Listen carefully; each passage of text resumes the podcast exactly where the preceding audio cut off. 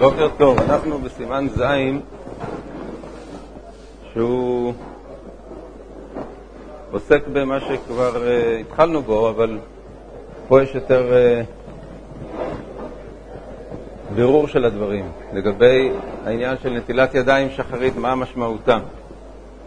הוא אומר, בכל היום כשעושה צרכיו, יש אומרים שלקטנים מברך אשר יצר לבד, ולגדולים על נטילת ידיים. ויש אומרים שבין לגדולים, בין לקטנים, מברך על נטילת ידיים ואשר יצר. מה, מה מקור הדבר הזה? שהוא מביא פה שתי דעות, אחת שלגדולים צריך לברך חוץ מאשר אשר יצר גם על נטילת ידיים, כל יום, כל היום, בכל מקרה. ו... ויש אומרים שרק ל... ויש אומרים שבין לקטנים ובין לגדולים. למה? מה, מה העניין? דכיוון שצריך לומר אשר יצר, שהוא דבר של קדושה, צריך לברך על נטילת ידיים תחילה. בכל שכן אם רוצה ללמוד אחר גדולים, שצריך לומר על נטילת ידיים. הדבר הזה שלדברים שבקדושה צריך נטילת ידיים עם ברכה, אה, הוא מתחיל מזה שהגמרא אומרת בברכות שיש חיוב נטילת ידיים לתפילה וגם לקריאת שמע. הגמרא אומרת כך ש...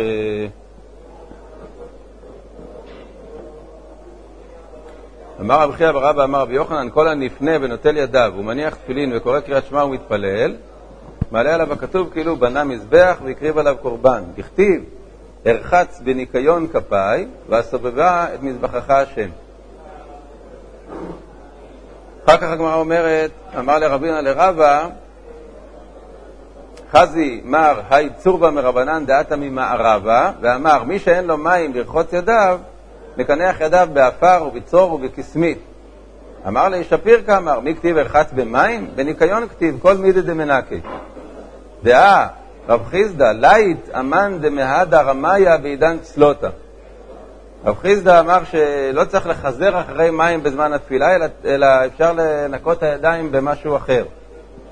ואני מילי לקריאת שמע, אבל לתפילין, לתפילה מהדר. ועד כמה עד פרסה? צריך ללכת עד פרסה בשביל לחפש מים לפני אה, תפילה. בקריאת שמע אפשר להסתפק בדברים, בניקוי במשהו אחר. אז לכאורה מה שכתוב פה הוא שצריך נטילת ידיים לכל תפילה, ולא רק לכל תפילה, אלא גם לקריאת שמע.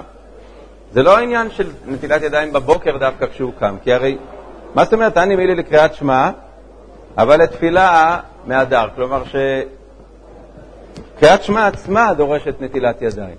ואם אתה קורא קריאת שמע ואין לך מים, אז תנקה בכל דבר. אבל אם אתה כבר רוצה גם להתפלל, אז אתה צריך לחפש מים אפילו עד פרסה. אם קריאת שמע זוקקת אה, נטילת ידיים, פירוש הדבר שזה לא עניין שאדם קם בבוקר אז הוא צריך ליטול ידיים, אלא זה עניין שאמירת דברים שבקדושה דורשת נטילת ידיים. אז זה המקור של הדעה הזאת, שהיא אומרת שכל אה, אימת שהאדם, ידיו לא נקיות, וההנחה היא שבבוקר אדם קם, אחרי שהוא ישן בלילה ערום, אז הוא נגע בכל מיני מקומות מטונפים וידיו לא נקיות, ולכן תקנו את נטילת הידיים אה, בבוקר בכל מקרה, מפני שהוא עומד ל- להתפלל שחרית, אז פירוש הדבר שזה לא רק לתפילת שחרית, אלא שזה בעצם, בכל מקרה שהידיים של האדם לא נקיות, הוא צריך, לפני אמירת דברים שבקדושה, ליטול ידיים. אז אלה, הוא אומר שאם הוא עשה צרכים גדולים וקינח את עצמו, ואז ידיו לא נקיות, אז לפי הדעה הזאת צריך לברך קודם על נטילת ידיים, ואחר כך את ברכת אשר יצר, כי אפילו בשביל לברך ברכה כלשהי, ברכת אשר יצר, צריך נטילת ידיים אחרי שידיו היו מטונפות. ויש אומרים שבין לגדולים ובין לקטנים, זה תלוי בגמרא אחרת. הגמרא אומרת ש... שמי שעושה צרכים קטנים, אז זה תלוי אם הוא אם הוא נוגע בניצוצות או לא נוגע, אם הוא משפשף את הניצוצות, אחר כך לנקות את הבגדים שלו או לא נוגע. אז אם הוא לא נוגע, אז הוא לא נקרא שידיו מטונפות, אף על פי שהוא נגע בעצמו כאשר הוא, אה, כאשר הוא עשה את אה, צרכיו הקטנים. אבל אם הוא נוגע גם בשתן עצמו, אז הוא נקרא שיש לו ידיו, ידיים מטונפות. אז בזה ה, ה, ה, המחלוקת כאן, אם זה גם על, אם זה גם על קטנים או רק על, על, אה, על גדולים. אמ,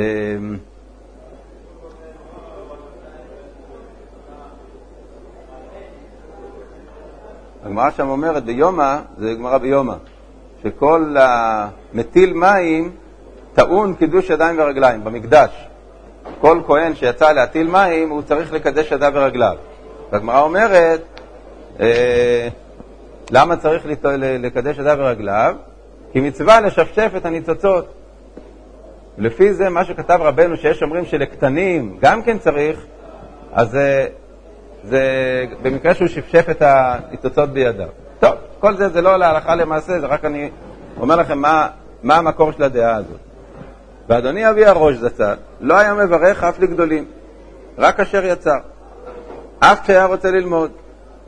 אם לא, כשעשה צרכיו וקינח, או הטיל מים ושפשף, והיה מתפלל אחריו מיד, אז היה מברך על נטילת ידיים. וזה לשונו, שכתב בתשובת שאלה, אם עשה צרכיו וקינח, או קטנים ושפשף, ורוצה להתפלל, ייטול ידיו ויברך על נטילת ידיים. אבל כל היום כשעושה צרכיו או מטיל מים, אף אם רוצה ללמוד, אין לו לברך על נטילת ידיים כי אם אשר יצר. מה, מה כתוב פה? הראש אומר ככה, מה שכתוב בגמרא בברכות, שצריך נטילת ידיים לקריאת שמע ותפילה, זה דווקא לקריאת שמע ותפילה. זה לא לאמירת דברים שבקדושה אחרים. חכמים תקנו נטילת ידיים לתפילה וגם לקריאת שמע, אפילו אם הוא לא מתפלל עכשיו 18, אלא רק קורא קריאת שמע. הדברים האלה במיוחד שהם קריאת שמע ותפילה, זה עיקר הדברים אה, שבקדושה, דווקא עליהם תקנו נטילת ידיים, ודווקא כאשר הידיים אה, מטונפות. אז הראש סובר שכאשר אדם קם בבוקר יש לו חזקת ידיים מטונפות ולכן הוא צריך ליטול ידיים בברכה לתפילה ו... או לקריאת שמע. וכל היום, אם ידיו מטונפות, אם הוא יודע שידיו יטנפו במשהו, אז הוא, אז הוא לפני התפילה צריך ליטול ידיים בברכה. במנחה, בערבית, עם ידיו מטונפות. אם אין ידיו מטונפות, אז לא צריך ליטול ידיים בכלל בעצם מצד הדין, ולדברים שבקדושה אחרים שהם לא תפילה וקריאת שמע, גם כן לא צריך ליטול ידיים. לכן הראש אומר שתמיד מברכים רק אשר יצא, ואם אתה עומד להתפלל עכשיו, אחרי שידיך היו מטונפות, בגדולים או בנגיעה במי רגליים, אז צריך ליטול ידיים בברכה. זו דעת הראש. עכשיו יש אה, דעות נוספות. להלכה בשולחן ערוך הוא, הוא, הוא לא פוסק כמו הראש אפילו. לא רק שהוא לא פוסק כמו הדעה ש, שצריך לברך על נטילת ידיים לפני כל דבר שבקדושה, ואז יוצא שבעצם כל אדם שיוצא מגדולים כל היום צריך ליטול ידיים בברכה, אלא שגם לא לפני תפילות. למה? כי יש דעה שלישית שאומרת שמה שהגמרא בברכות אומרת שהני מילי לקריאת שמע ולא לתפילה יותר, זה הכל בגלל שזה בשחרית. זה לא מדובר על קריאת שמע או תפילה של מנחה או ערבית. מדובר על נטילת ידיים שחרית, שהיא נזכרת בסוף המסכת בדף ס', שם כתוב, אדם שקם בבוקר, אז הוא מברך אלוקי נשמה, אה, כשהוא שומע קול התרנגול, מברך אשר נתן לשכל בבינה, כשהוא לובש בגדיו כך, כשהוא עושה כך וכך, אחר כך כתוב בגמרא, כי מה שידי, כשהוא נוטל את ידיו, מברך על נטילת ידיים. אז מה זה הנטילת ידיים הזאת? אז הראש הבין שזה נטילת ידיים לתפילה מפני שידיו עסקניות. אבל יש ראשונים, כמו הרשב"א, שאומרים לא, נטילת ידיים בבוקר זה משהו מיוחד, זה רק, כיוון שאדם קם בבוקר הוא נעשה כבריאה חדשה, ועל זה תקנו נטילת ידיים, חוץ מאשר סעודה. יש נטילת ידיים לסעודה, ויש נטילת ידיים שחרית. זה לא לתפילה, זה לשחרית. ומה שהגמרא אומרת, אני מילי לקריאת שמע, אבל לתפילה צריך יותר לחזר המאיה, זה הכל על שחרית. כלומר, שאדם שקם בבוקר ואין לו מים, אז אם הוא רק קורא קריאת שמע, הוא יכול לברך, לנגב את ידיו בכל מילי דמנקה ולקרוא קריאת שמע. ואם הוא רוצה גם להתפלל, אז שיחפש יותר מים. אם הוא לא ימצא, אז גם אז הוא יכול להסתפק בזה שהוא מנקה את ידיו בצרור וכדומה, אבל כל זה אמור רק בשחרית. בתפילה במשך היום לא חייבו נטילת ידיים. אז כך פוסק השולחן ערוך לגבי ברכה. כלומר, חוששים לדעת הראש והטור שכל תפילה חייבת בנטילת ידיים, אבל לגבי ברכה, ספק ברכות להקל, חוששים לדעת הרשב"א ולא מברכים על נטילת ידיים לתפילה כל היום, אפילו אחרי שיצאת משירותים גדולים. אגב, הרמב"ם, יש לו עוד שיטה יותר קיצונית, אפילו מאשר הראש, והוא סובר שנטילת ידיים לתפילה, כלומר מה שהגמרא שם אומרת, אני מי לצלותה, לתחיית שמע ולצלותה צריך יותר לחזר על מים, הוא, הוא סובר שזה דין של נטילת ידיים לתפילה שהוא לא קשור גם ל, לידיים מטונפות. שיש, אה, כמו שיש בנטילת ידיים לסעודה, יש אה, חיוב נטילת ידיים לאדם שלסתם ידיים, כלומר אפילו שאדם לא יודע שום לכלוך לידיו, הוא צריך ליטול ידיים בברכה לסעודה, כך גם לתפילה. הרמב"ם כך כותב בהלכות, אה, בהלכות נטילת ידיים. הוא אומר שתמיד כשאדם הולך לאכול או להתפלל, הוא נוטל ידיו בברכה. לא חשוב שנקרא את זה בפנים, תסתכלו אחר כך. אם אתם רוצים, לדעת הרמב"ם, נטילת ידיים לתפילה זה כמו נטילת ידיים לסעודה, וזה בין לתפילת שחרית, בין למנחה, בין לערבית, צריך ליטול ידיים בברכה. זו דעה עוד יותר קיצונית מהראש. הראש אומר רק כשידיו מטונפות. הרמב"ם סובר, תמיד יש נטילת ידיים לתפילה כמו לסעודה. אבל כיוון שיש שיטת הרשב"א ועוד ראשונים, שכל העניין של נטילת ידיים לתפילה זה רק בשחרית, אז לכן אנחנו להלכה עוסקים שרק לפני תפילת שחרית נוטלים ידיים בברכה, ובמנחה וערבית נוטלים ידיים בלי ברכה. עכשיו, בפעם הקודמת, או לפני הקודמת, אני לא זוכר, באחת הפעמים נפלט לי מהפה משהו לא נכון לחלוטין, לעניין הזה של, ה, של הנקיות ידיים שאפשר לנקות בכל מידי, שזה גם הולך על סעודה, זה לא נכון, זה ממש לא נכון. טעיתי. בסעודה אין דבר כזה אה, נקיות ידיים במשהו אחר, רק במים. יש עצות אחרות למי שאין מים. כתוב שהוא אה, כורך על ידיו מפה, אבל אין דבר כזה לנקות ידיים לסעודה. רק לתפילה אה, יש את העניין של נקיות ידיים, ושם ראינו שיש ראשונים שאומרים שמברכים על נקיות ידיים במקרה כזה, ולא על נטילת ידיים.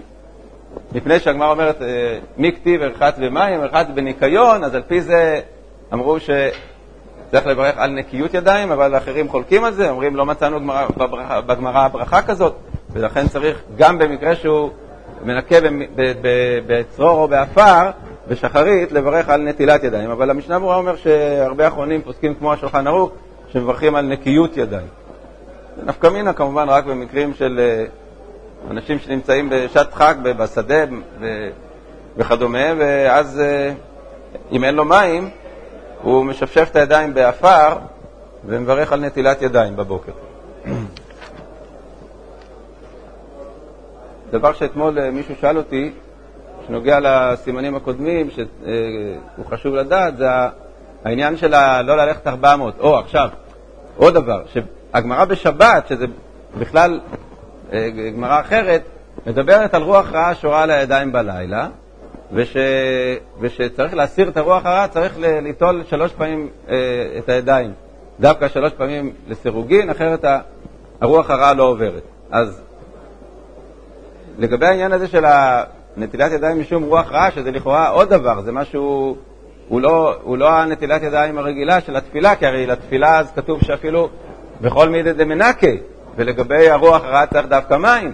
אז אין הכי נמי, כתוב שבאמת מי שאין לו מים והוא, והוא נוטל ידיים בצרור או בעפר לתפילה, אחר כך כשיזדמנו לו מים הוא צריך גם מים. אבל בכל אופן, בעניין הזה של משום רוח רעה, אז כתוב שלא ללכת לכתחילה 400 בלי הנטילת ידיים.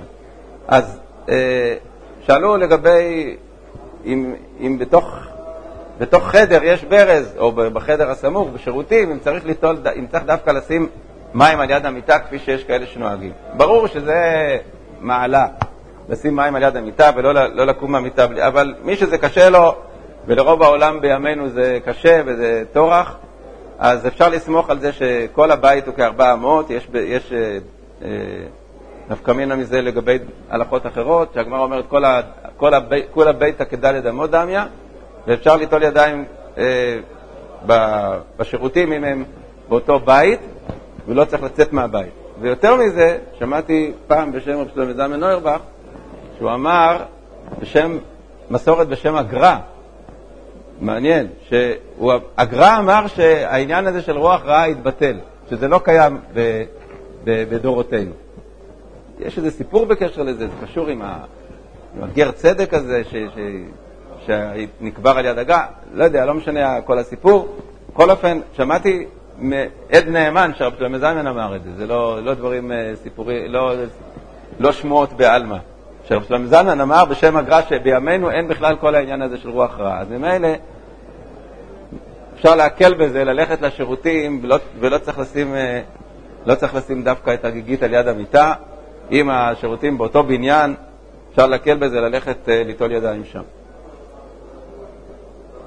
אבל למשל, מי שנמצא בשטח, בשדה, אז ברור שלכתחילה שישים על ידו מים ולא שיצטרך ללכת אחר כך מאות מטרים לחפש מים. כן.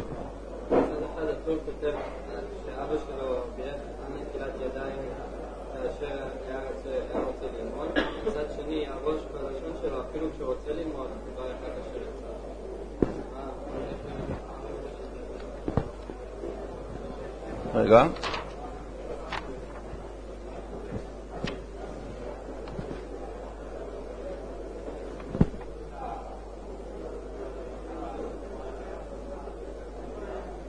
עוד פעם, אני לא קלטתי היטב את השאלה, מה אתה שואל?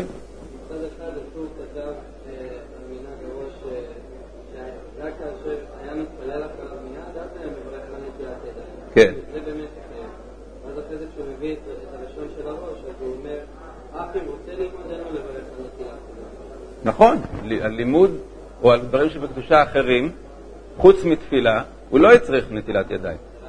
רק לתפילה. הוא אומר שמה שהגמרא אומרת, קריאת שמע ותפילה זה דווקא, זה לא כל דברים שבקדושה. אז הוא סובר שבכל מקרה שהידיים מטונפות, צריך לפני תפילה ליטול ידיים בברכה, אבל לא ל... ל... לאמירת דברים אחרים שבקדושה, לברכה או לזה, או ל... שאז אתה פשוט מנקה את הידיים, אבל לא צריך לברך על נטילת ידיים. כלומר, תקנו נטילת ידיים לתפילה כאשר ידיים מטונפות, וזה לומדים מהגמרא שמדברת על נטילת ידיים לקריאת שמע ותפילה, שהיא לא מדברת דווקא על שחרית, לדעתו. אבל לדעת הרשב"א, הכוונה שם לנטילת ידיים שחרית, שמדובר עליה בסוף המסכת, וזאת היא הנטילה היחידה שחייבו חוץ מאשר נטילת ידיים לסעודה. נטילת ידיים שחרית אה, ולא נטילת ידיים לכל תפילה. אבל למעשה אנחנו אמרתי, אמרתי נוהגים שכן נוטלים ידיים אבל בלי ברכה. אנחנו מתחילים ללחוץ ציצית, סימן ח'. מיד אחר נטילת ידיו יתעטף בציצית מעומד. בסדר עטיפתו, דרשו הגאונים כעטיפת ישמעאלים, שהיא עטיפה גמורה. מה פירוש? שצריך לעטוף גם את הראש, לא רק את הגוף, אלא גם את הראש. כעטיפת ישמעאלים. ובעל העיטור כתב, זה לא בעינן כולי אלא כדרך בני אדם, שמתכסים בכסותם ועוסקים במלאכתם, פעמים בכיסוי הראש, לפעמים בגילוי הראש. כלומר, הטור סובר, ש... העיטור סובר שלא צריך בכלל אחרי הברכה לעטוף את הראש, מספיק לבוש את הטלית אה, על הגוף, כי אה, זה נקרא להתעטף, להתעטף זה לאו דווקא כיסוי הראש, אלא איך שבני אדם לובשים, לפעמים מכסים זה את הראש, לפעמים לא. אבל בגאונים כתוב שכשהם להתעטף בציצית זה, זה כולל גם את עיטוף הראש כעטיפת ישמעאלים, דהיינו שהם uh, לובשים את, ה, את הבגד על הראש ולוקחים את שתי, שני הצדדים שלו אחורה, כך שהוא מכסה את, את הכתפיים ואת הראש, כמו שלובשים כפייה הישמעאלים, ו, וכך לכתחילה אנחנו עושים, כדי לחוש לדעת הגאונים. דהיינו שלפחות בהתחלה, כאשר לובשים את הטלית, מתעטפים עטיפת הראש גם כן, ולפחות בשיעור כמה אמות, ואחר כך אה, חוזרים ומורידים אותה ואפשר להשאיר אותה רק על הגוף. אה, לגבי העניין של מה זה עטיפת ישמעאלים, אז ראש הישיבה תמיד מקפיד להסביר את זה כל שנה, שזה לא הכוונה לכסות את העיניים, שלא תראה. האדם שמתעטף בטלית, כולל הראש, הוא לא רוצה ללכת לישון, הוא רוצה ללכת אה, הלאה לאן שהוא צריך, ואז הוא צריך לראות לאן הוא הולך. אלא הכוונה עד, עד קרוב לעיניים באופן שאפשר עוד להסתכל. לא להגיע עם הטלית עד הסנטר, שאז אתה כיסית את, את הראש שלך לגמרי, אין לזה שום משמעות. בדרך העטיפה, רוחבה לקומת האיש. הרוחב של הטלית זה הצד היותר קטן שלה. כלומר, יש, מה זה אורך ורוחב? אורך זה הארוך יותר, ורוחב זה היותר קצר. אז בטלית גדולה, כשאתה לוקח את הטלית, אתה, אתה פותח אותה, אז יוצא שהרוחב שלה הוא לאורך של הגוף, כי צריך יותר, יותר אה, גודל בטלית לכיוון הזה מאשר לכיוון הזה. ככה זה בדרך כלל. לכן הוא אומר שהעטיפה רוחבה לקומת האיש. הוא מחזיר שתי ציציות לפניו ושתי ציציות לאחריו, שיהיה מסובב במצוות. אז את זה עושים אחרי העיטוף, כי בעיטוף זורקים את כל ארבע הציציות אחורה, אבל אחרי העיטוף חוזרים למצב שבו יש שתי ציציות לפנים ושתי ציציות לאחור. לא שזה משנה מצד הדין, מצד דין תורה. בדין תורה זה לא חשוב איפה הציציות נמצאות, הן צריכות רק להימצא על הבגד. אבל לכתחילה אנחנו רוצים שיהיה מסובב במצוות, ולכן שתיים לפניו ושתיים לאחריו. הראיה שזה לא מעיקר הדין זה שבזמן העיטוף אנחנו לא עושים כך, בזמן העיטוף כל ארבע ציציות מאחור. וזה עיקר, ה... עיקר הרגע שבו מקיימים את, ה... את הלהתעטף בציצית. אז רואים שזה לא חיוב שיהיו שתי ציציות לפניו ושתי ציציות לאחריו. אבל אחר כך, אחרי העיטוף, אז אה, נוהגים כך שגופו יהיה אה, מסובב בציציות. הוא מכסה ראשו שלא יהיה בגילוי הראש. כלומר, גם לדעת האיתו, שלא צריך להתעטף ליטוף ישמעאלים, אבל בזמן הברכה, הרי אמרנו שכל העניין של אה, גילוי ראש זה לא דבר כל כך מוחלט שאדם צריך תמיד להיות עם ראש מכוסה. הטור פסק שאסור ללכת ארבע אמות בגילוי הראש, אבל אדם שעומד, אז הוא יכול להיות בגילוי ראש. ואם הוא בגילוי ראש, אז, הוא, אז, אז שלא יברך, כי לברך גם כן צריך אה, כיסוי ראש. כלומר, לדעת הטור, עיקר הדין לגבי, לגבי כיסוי ראש זה שאסור ללכת ארבע אמות ושאסור לברך ברכה בגילוי ראש. ויברך להתעטף בציצית. ונקראת ציצית על שם החוטים הנפרדים ממנה, כי דכתיב, ויקחני בציצית ראשי. ועל כן צריך להפרידם זה מזה. הלשון ציצית זה לשון של uh, שערות. ציצית הראש זה השערות ה, ה, על הראש, כלומר שזה בעצם כל, כל שערה ושערה בפני עצמה. אם זה היה משהו שהוא גדיל, כלומר החלק המחובר למטה שהוא כרוך, אז לא קוראים לזה ציצית, כי ציצית זה משמע הרבה חוטים. זה כמו שיער הראש. אז לכן צריך שהחלק שהוא לא בגדיל, החלק הפתוח, שבאמת החוטים יהיו מופרדים והם לא יהיו איזה מין, אה, איזה מין מקשה אחת. לפעמים כשמוציאים ציצית מהכביסה, אז אה, גם החלק, ה, גם החלק הפתוח הוא נראה כמו איזה, כמו איזה חתיכה אחת סגורה, בגלל הרטיבות, הלחות שהיא גרמה לזה להתאחד. אז לכן צריך להפריד את חוטי הציצית, לפחות אחרי שמכבסים אותה, כך שיהיה לה שם של ציצית ולא שם של איזה, איזה גדיל אחד. זה נקרא הגדיל וזה נקרא הענף. הענף זה כמו ענפים של עץ. אז יש גזע, שזה הגדיל, החלק הסמוך לבגד, ויש הענף שהוא החלק הפתוח, אז צריך לדאוג שהוא באמת יהיה פתוח. זה לא איזה דבר כזה, יש כאלה שחושבים שבאמת אה, אם שני חוטים נוגעים אחד בשני, אז יש פה איזה איזה ביטול מצוות עשה, זה שטויות. אבל כעיקרון צריך שהחלק של הענף לא יהיה מחובר כמו איזה חתיכת, אה, חתיכת אה, חבל, אלא שזה יהיו ציציות נפרדות. אז לכן רצוי לעשות איזה, איזה נגיעה בציציות כדי להפריד אותן. ויכוון בהתעטפו, שציוונו המקום להתעטף כדי שנזכור כל מצוותיו לעשותם. יש עניין לכתחילה לזכור את הטעם של המצווה, כמו שכתוב בתורה, וראיתם אותו וזכרתם את כל מצוות השם. אז כשאתה מתעטף בציצית, תחשוב את המחשבה הזאת, שזה בשביל התורה אמרה שזה בשביל שנזכור את כל מצוותיו, זה לא לעיכובה. אין, אין, אין, אין, אין בזה כוונה לעיכובה מדאורייתא, זה רק הנהגה נכונה. ויעיין הציצית קודם לכן שיהיו שלמים, שאם נתקלקל אחד מהם היא ברכה לבטלה. כלומר, מה, מתי בדיוק אה, נקרא נתקלקל זה אנחנו עוד נלמד. יש בזה הרבה דינים, מה, מה נקרא שהציצית התקלקלה? לא כל uh, חיסרון בחוטים הוא, הוא פוסל, אבל יכול להיות חיסרון הפוסל, ואז הברכה תהיה לבטלה. לכן צריך לעיין ולהסתכל שהציציות שלמות.